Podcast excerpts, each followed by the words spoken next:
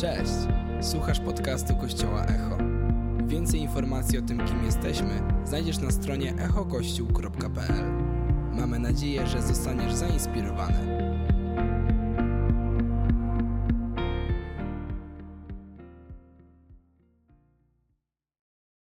No to lecimy. Kochani, super Was widzieć. Mega nam miło, że zdecydowaliście się to niedzielne przedpołudnie spędzić z nami w kościele Echo. Ja się nazywam Eryk i będę miał możliwość podzielić się tym, co wierzę, że Pan Bóg położył mi na sercu. Natomiast muszę przyznać, że do tego kazania, do tej przemowy, do tej usługi, jak kto woli, przygotowywałem się aż trzy razy.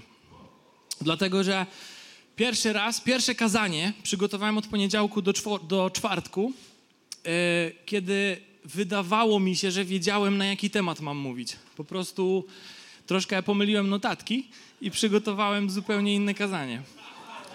W piątek napisałem do naszego kolegi Michała, który wytłumaczył mi, na czym to, w sensie inaczej, podał mi temat po prostu.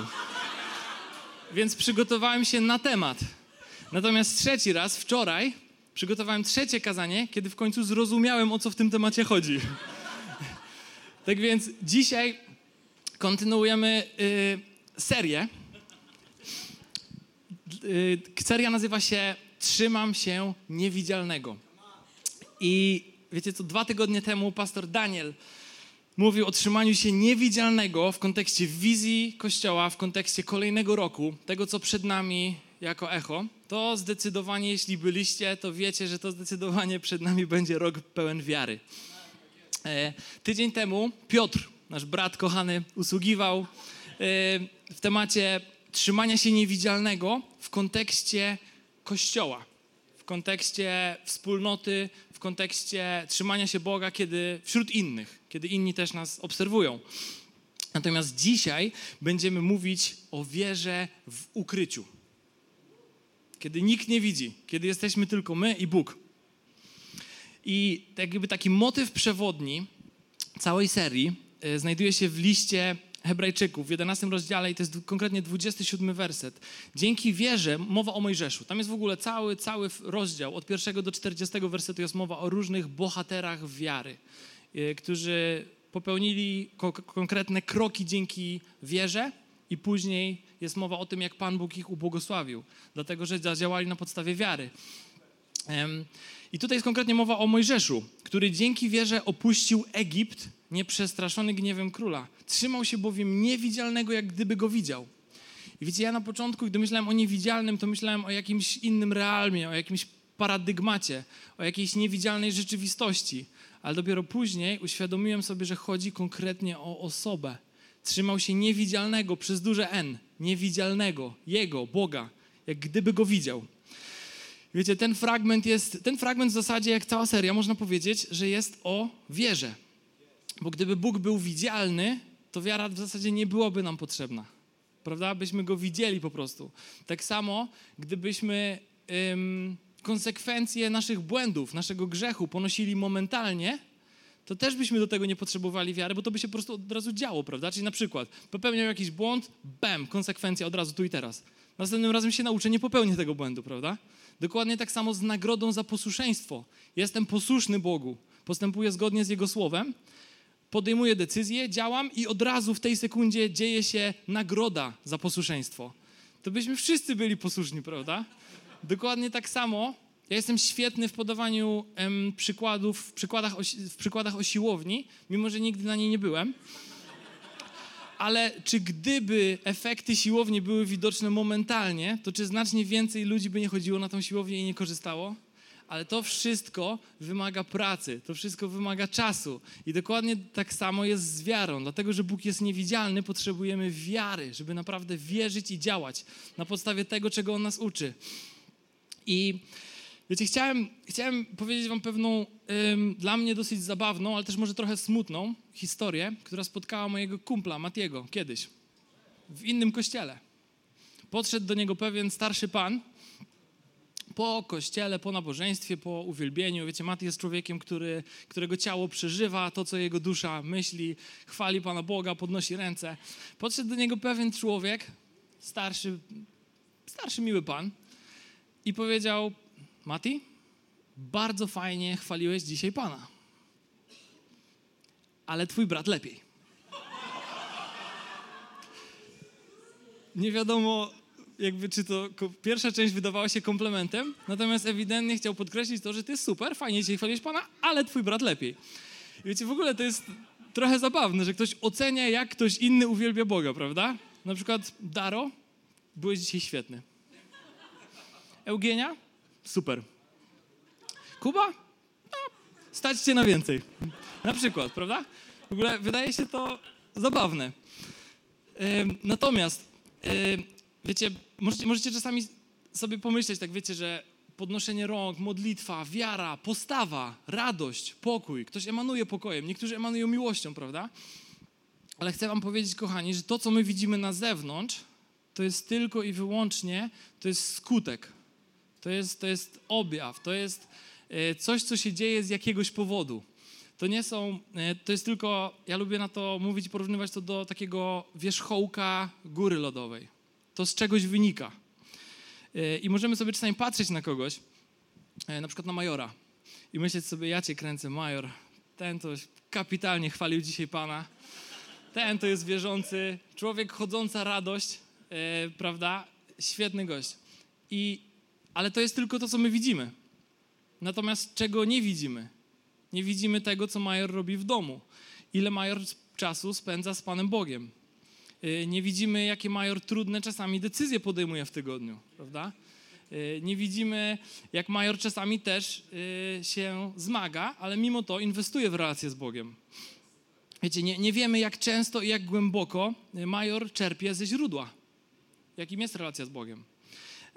I, i wiecie, niedziela to jest, możemy powiedzieć, czasami aż albo zaledwie dwie godziny, półtorej, dla niektórych sześć albo siedem, ale to jest tylko jakiś element naszego życia, prawda? Natomiast yy, w niedzielę czasami da się ponieść atmosferze dobremu wpływowi dobrych ludzi, yy, ale potem spotyka nas poniedziałek.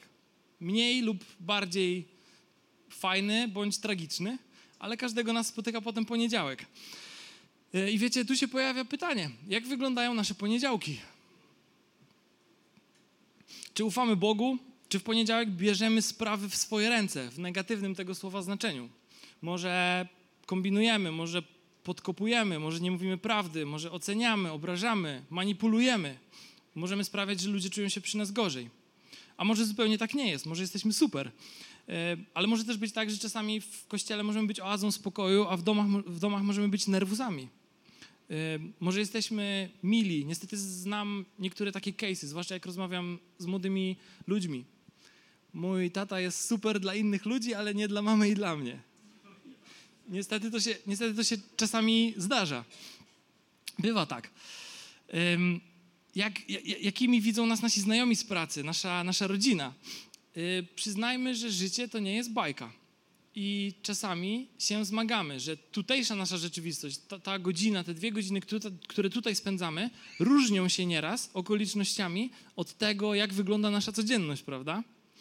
I wiecie, yy, wiadomo, wszyscy jesteśmy tylko ludźmi. Jesteśmy jakby dalecy od ideału. Mamy rzeczy, nad którymi musimy pracować. Wiecie, a ja przychodzę do Was dzisiaj z dobrymi wiadomościami, że Bóg chce nas zmieniać, Bóg chce nas kształtować, Bóg chce kształtować nasze charaktery, chce nad nami pracować i chce nam pomagać, abyśmy żyli lepiej i my, i nasze rodziny. Abyśmy,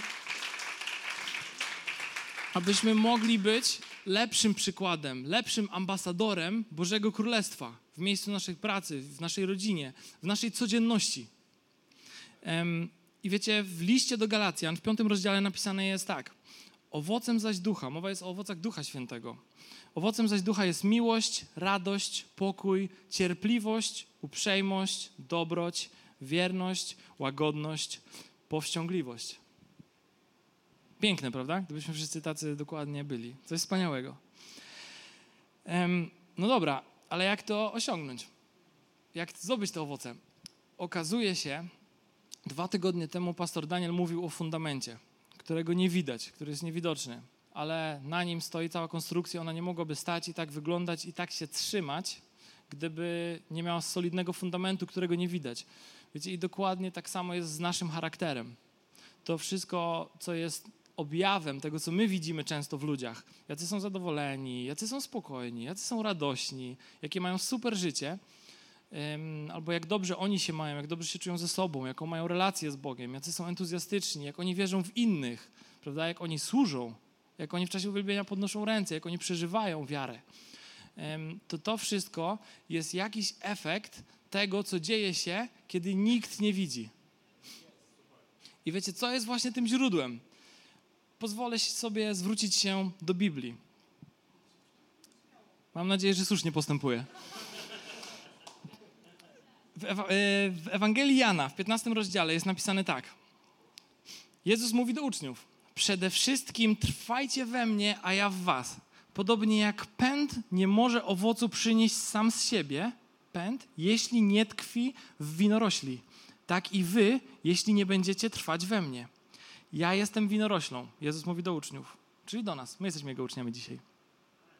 Ja jestem winoroślą, a wy jesteście wypędami. Kto trwa we mnie, a ja w nim, ten przynosi obfity owoc, bo beze mnie nie jesteście w stanie nic uczynić. W Ewangelii Mateusza Jezus naucza o modlitwie. I mówi tak, w szóstym rozdziale, piątym wersecie. Ty natomiast, gdy pragniesz się modlić, wybierz zaciszne miejsce, zamknij za sobą drzwi i módl się do swego Ojca, który jest w ukryciu. A Twój Ojciec, który widzi również to, co ukryte, odpłaci Tobie. Jest konkretnie mowa o ukryciu, wiecie? My nie widzimy tego, co my wszyscy, co, co inni ludzie robią na co dzień, ale Pan Bóg, On widzi wszystko. On widzi i słyszy każdą Twoją modlitwę, widzi każdą Twoją decyzję i jest to więcej. Bóg, Twój Ojciec, który widzi w ukryciu, odpłaci Tobie.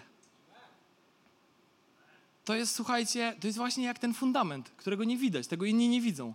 Ale On nas słyszy, On nas widzi i On nam odpłaca. I wiecie, ja chcę powiedzieć Wam, że dla mnie taki czas spędzony z Bogiem w modlitwie, to jest dla mnie, to jest dla mnie czas, kiedy ja jestem kształtowany, kiedy jestem zmieniały, kiedy czasami, czasami nie mam chęci do różnych rzeczy i te chęci wracają. Czasami nie mam pasji do życia, ale gdy spędzam czas z Bogiem, to ta pasja wraca. Wiem, że ja jestem zmieniany, wiem, że jestem kształtowany, wiem, że Bóg do mnie mówi, wiem, że On mnie, on mnie prowadzi, On mi podpowiada. Ostatnio czytam książkę o potędze Bożego szeptu. Wiem, że Bóg do mnie szepcze i On mówi, On mnie prowadzi dokładnie w mojej codzienności. On daje mi pokój. Wiecie, ja czasami denerwuję się na ludzi, czasami ludzie mnie wkurzają, powiem otwarcie, a Bóg daje mi miłość do ludzi. I nagle, wiecie, jak wychodzę z tego mojego miejsca ukrycia, to ja mam więcej tej miłości do ludzi. Nagle Królestwo Boże staje się dla mnie ważniejsze. Nagle przestaje się bać, znika strach. Przychodzi odwaga. Przychodzi świadomość, kim ja jestem w Nim. Że ja jestem Bożym Synem. Że On mnie ukochał. Że co by się nie stało w życiu, czy więcej zrobię, czy mniej zrobię, zrobię On nadal mnie kocha. Tak jak mówię, On mnie zmienia, On, daje, on, on sprawia, że owoce Jego ducha pracują we mnie i mnie kształtują i zmieniają mój charakter. I to są, wiecie, wszystko rzeczy, które dzieją się, kiedy ja spędzam czas z Nim. To jest właśnie, to jest ten fundament. To jest dla mnie osobiście, to jest to trzymanie się niewidzialnego, kiedy nikt nie widzi. Um, wiecie, um, pójdę krok dalej. Trzyma, staram się tak trzymać w miarę kurczowo notatek, dlatego tak często tutaj wracam do stolika, dlatego że po pierwsze chciałbym zmieścić się w czasie, który przewidzieliśmy na moją część, a druga rzecz jest taka, że tak jak wspominałem, to jest trzecie kazanie, które napisałem w tym tygodniu i nie chciałbym niczego pomieszać. Słuchajcie, kochani, pójdę, pójdę krok dalej i podzielę się z wami objawieniem, które radykalnie zmieniło moje życie. To jest w zasadzie jedno zdanie, które podało już w tym kościele w tym roku. Znajduje się ono w psalmie 73. Napisał ten psalm Asaf. Asaf był dyrektorem muzycznym w świątyni za czasów króla Dawida. Kiedy król Dawid rządził, to w Bożej świątyni szefem muzyki i uwielbienia był Asaf. I Asaf napisał tak: Moim szczęściem jest być blisko Boga takie zwykłe, proste zdanie, ale tak niesamowite. No i tu pojawia się pytanie, co jest moim szczęściem? Czy moim szczęściem nie jest większe mieszkanie? Czy moim szczęściem nie są bardziej egzotyczne wakacje? Nowszy model samochodu, albo w ogóle samochód, albo chociaż rower? Czy może więcej złota, więcej pieniędzy, trawnik bardziej zadbany niż u sąsiada? Nowy model iPhone'a albo nowszy model telefonu. A może pójdę jeszcze dalej. Może moim szczęściem jest mój mąż, moja żona, moja rodzina. I wiecie, powiem coś, co może nie każdemu się spodoba, ale ja wam powiem, że ja nie uczyniłem w moim życiu mojej żony odpowiedzialnej za uczynienie mnie szczęśliwym. Jakby to nie jest źródło mojego szczęścia w życiu jedynego. To jest coś, małżeństwo jest dla nas ogromnym błogosławieństwem. Nie wyobrażam sobie życia bez mojej żony. Ale ja nie oczekuję od niej, że to ona uczyni mnie szczęśliwym. A czasami jak rozmawiam z niektórymi ludźmi, oni uważają, że ja nie jestem szczęśliwy, bo nie mam kogoś na przykład. Albo bo nie mam dzieci, albo bo, bo nie mam czegoś, co bym chciał mieć. Albo jak miał więcej pieniędzy, to byłbym szczęśliwszy. Albo nawet jak miał fajniejszych znajomych. Albo nawet właśnie żonę, męża ale nie możemy zrzucać odpowiedzialności za uczynienie nas szczęśliwym na jakieś życiowe wydarzenie lub na kogoś, bo niestety potem często przychodzą rozczarowania. Moim szczęściem jest być blisko Boga. E, moje spełnienie nie jest zależne od innych rzeczy. Wiecie, w moim aucie bardzo często e, brzmi z głośników muzyka Kirka Franklina.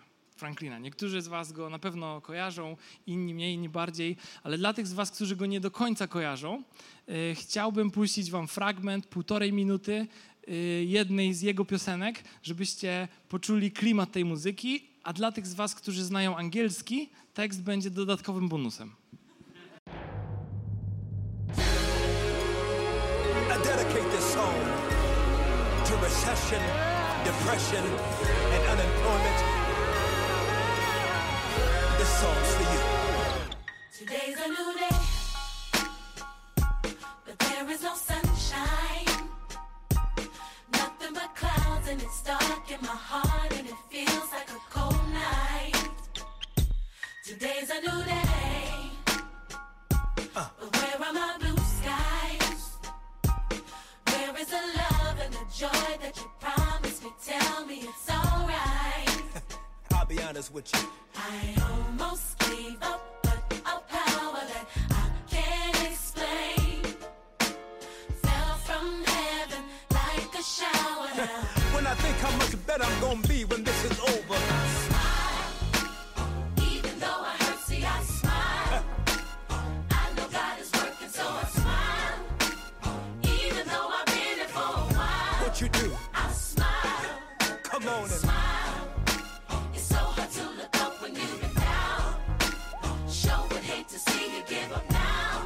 People. You look so much better when you smile.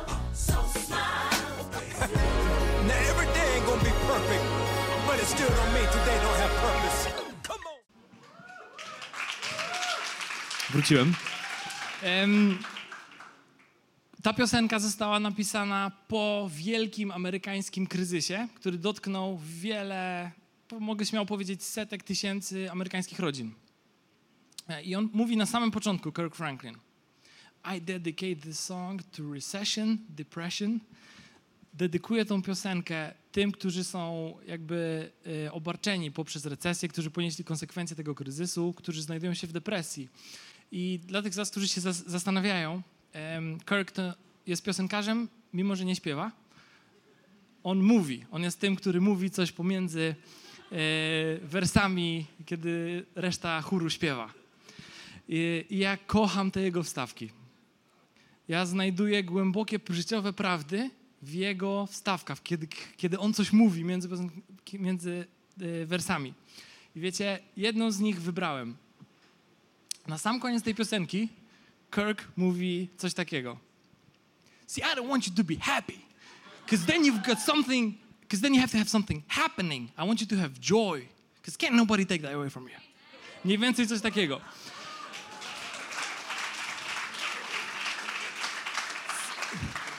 Kirk Franklin mówi coś takiego. Nie chcę, żebyś tylko był szczęśliwy. Dlatego, że żebyś był szczęśliwy, musi coś wpływać na to szczęście, musi coś się dziać. I akurat po angielsku słowa happy i happening są takie bardzo podobne do siebie. Więc szczęście jest uzależnione od wydarzeń. Natomiast nie chcę, żebyście byli tylko szczęśliwi. Chcę, żebyście mieli radość. Dlatego, że tego nikt nie jest w stanie wam zabrać. I wiecie, taka prosta rzecz. Nie chcę, żebyście byli tylko szczęśliwi, bo szczęście jest z czymś powiązane, od czegoś uzależnione. I to jest to mityczne szczęście, którego wszyscy pragną. Ja po prostu chcę być tylko szczęśliwy. Ale problem w szczęściu jest taki, że jak coś się stanie, co cię uczyni szczęśliwym, to potem stanie się coś innego, co spowoduje, że już nie będziesz szczęśliwym. Bo jeśli szczęście uzależniasz od na przykład chociażby kilku z tych rzeczy, które wymieniliśmy, albo coś jeszcze innego, od czegoś jeszcze innego, to nagle, gdy tego nie będzie, to już nie będziesz szczęśliwy. Ale jest, jest radość, która jest owocem Ducha Świętego. I radość jest niezależna od okoliczności. I wiecie, tak naprawdę, wie, wiecie o tym, że można mieć w życiu po ludzku, według systemu tego świata, można mieć wszystko. Można mieć wpływy, kasę, popularność, spełniać wszystkie swoje marzenia i pragnienia i być niezadowolonym z życia. Można nawet być tak niezadowolonym ze, ze, ze swojego życia, że chce się je sobie odebrać, mając wszystko. I dużo znanych ludzi nam o tym pokazuje. A czy wiecie, że można po ludzku naprawdę nie osiągnąć jakiegoś wielkiego sukcesu i nie mieć bardzo wiele, a mimo to być zadowolonym, mieć radość, mieć pokój, mieć, mieć, mieć to, to, to, to co wierzę, że też powoduje szczęście? Trudno mi dokładnie rozróżnić, o co chodzi w szczęściu, o co w radości, ale wiem, że wszyscy mówią o szczęściu, a Biblia mówi o radości, która nie jest zależna od okoliczności. Um, I wiecie, um, kiedy nasza wiara nasze poczucie wartości oraz nasze szczęście nie będzie zależne od tego, co, co znajduje się dookoła, e, to w zasadzie, co by się nie działo, zawsze będziemy się mieli dobrze. I to, dla mnie to jest właśnie budowanie naszego życia na tym niewidzialnym, na Bogu. Chociażby co by się nie działo w naszym życiu, On będzie z nami. W Psalmie 23 jest napisane, że Pan jest moim pasterzem, prowadzi mnie, prawda, na spokojne łąki, wszystko jest super. Ale później jest też napisane, co się dzieje, jak nie jest super. Choćbym szedł przez ciemną dolinę. To znaczy, że będziemy szli przez ciemne doliny. Pan mnie nie uchroni przed ciemną doliną. Choćbym nawet szedł tą ciemną doliną, On będzie, zła się nie ulęknę, bo Ty jesteś ze mną. Ty będziesz mnie prowadził. Twoja laska i Twój kij będą ze mną. Twoje, twoje Boże Słowo, Duch Święty, Boża obecność, pocieszenie. On jest ze mną, chociażby się działo dobrze, chociażby się działo źle. I wiecie co? Budowanie fundamentu naszego życia, e, czynienie e, bliskości z Panem naszym szczęściem. Moim szczęściem jest być blisko Boga. Uczynienie tego naszym szczęściem to jest przepis na niezatapialne życie.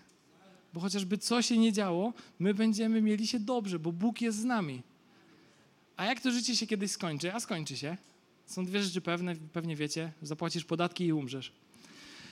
To i tak spędzimy wieczność z Nim. I też będziemy mieli się dobrze, bo to jest nasz ostateczny jakby cel, prawda? Żeby spędzić, żeby, żeby On był naszym szczęściem, żeby z Nim spędzać czas. I wiecie, to wszystko jest takie... Aha, właśnie, jeszcze, jeszcze jedna rzecz. Um, wszystkie te rzeczy pozostałe, o których mówiłem, oczywiście nie chciałbym, żeby tak brzmiało zero-jedynkowo, że albo uczynisz szczęściem, jakby Boga swoim szczęściem i wszystko inne jest złe, fatalne i nie możesz tego mieć. Nie, absolutnie. Te inne rzeczy nie są, nie są absolutnie złe, są normalne, są super. Nawet jest w Biblii dużo napisane o tym, że Pan Bóg chce nas błogosławić, chce odpowiadać na nasze prośby, na nasze potrzeby, a nawet na nasze pragnienia. To jest też wszystko napisane w Biblii. Natomiast mówi się, że są rzeczy ważne i ważniejsze. E, a ja powiem tak, są rzeczy ważne, ważniejsze i najważniejsze. I znowu chciałem zaprosić Was na krótki, dosłownie 40-sekundowy filmik. Dziękuję za ekscytację filmikiem sami.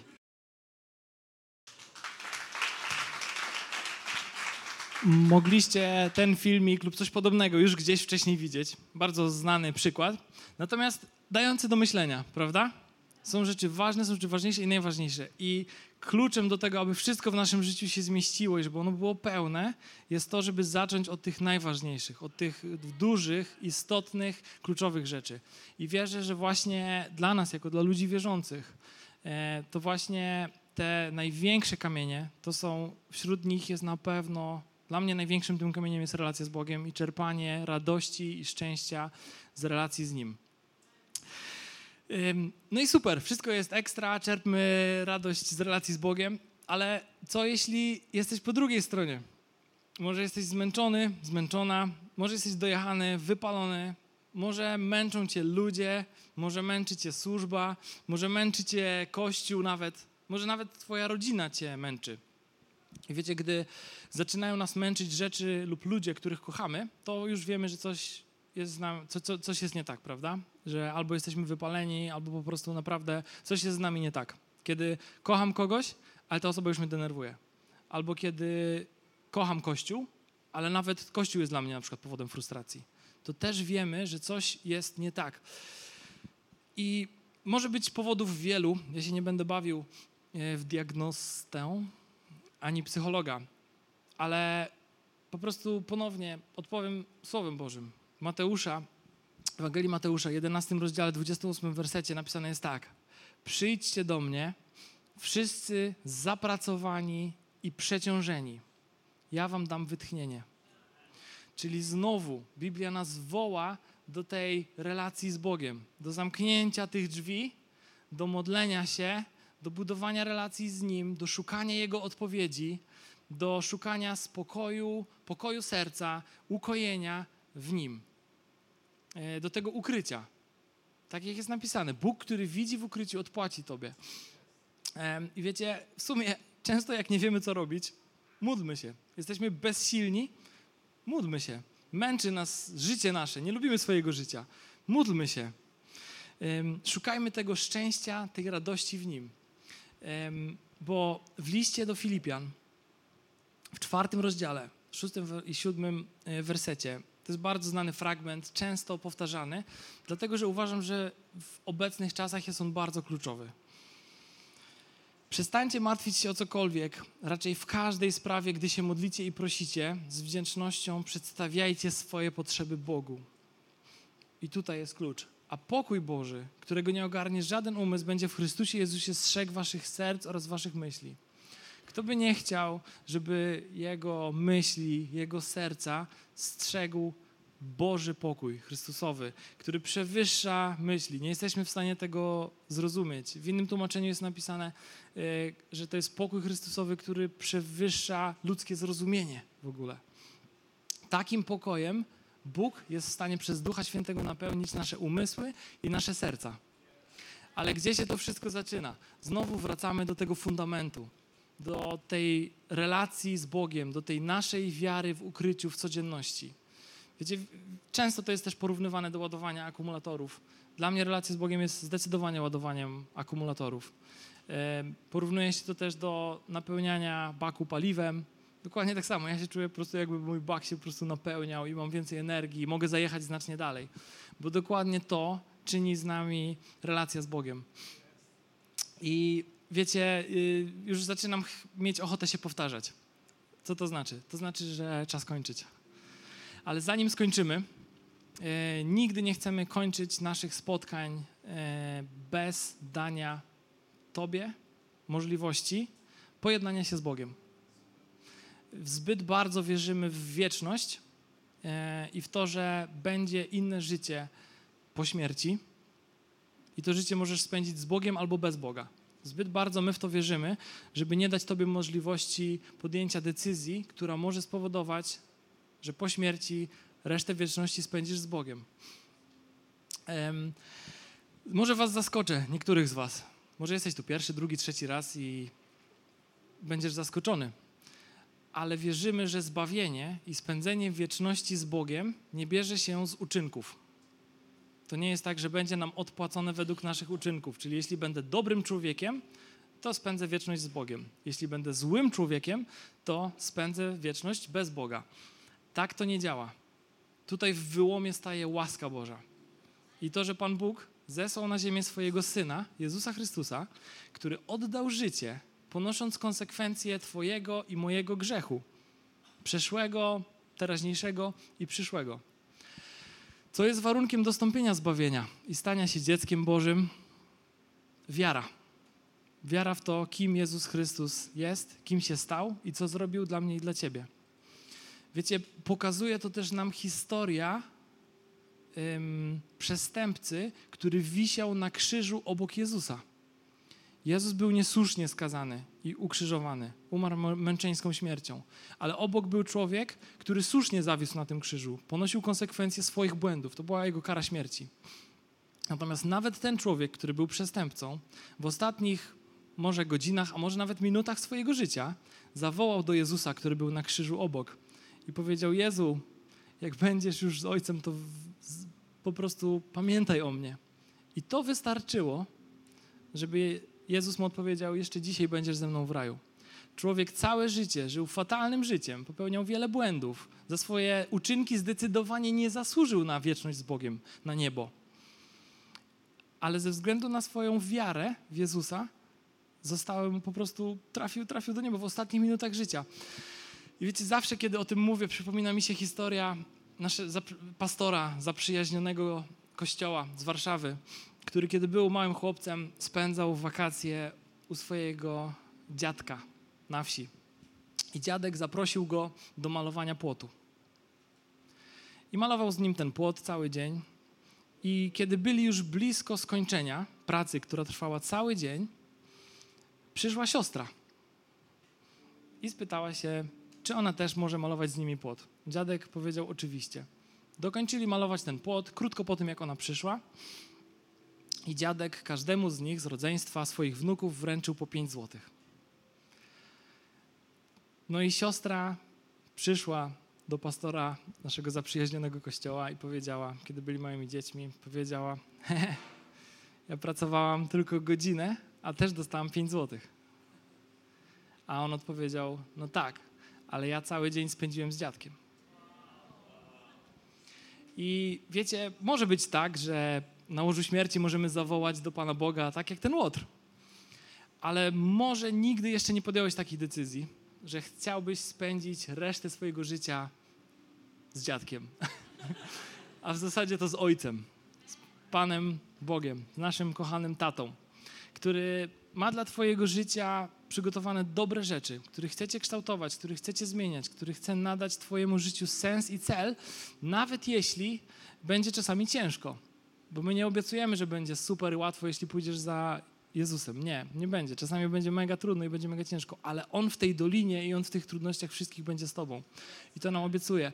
A wierzymy, że wszystko to zaczyna się od prostej wiary. Jest napisane w Biblii, że kto uwierzy w sercu i kto wyzna ustami, ten będzie zbawiony.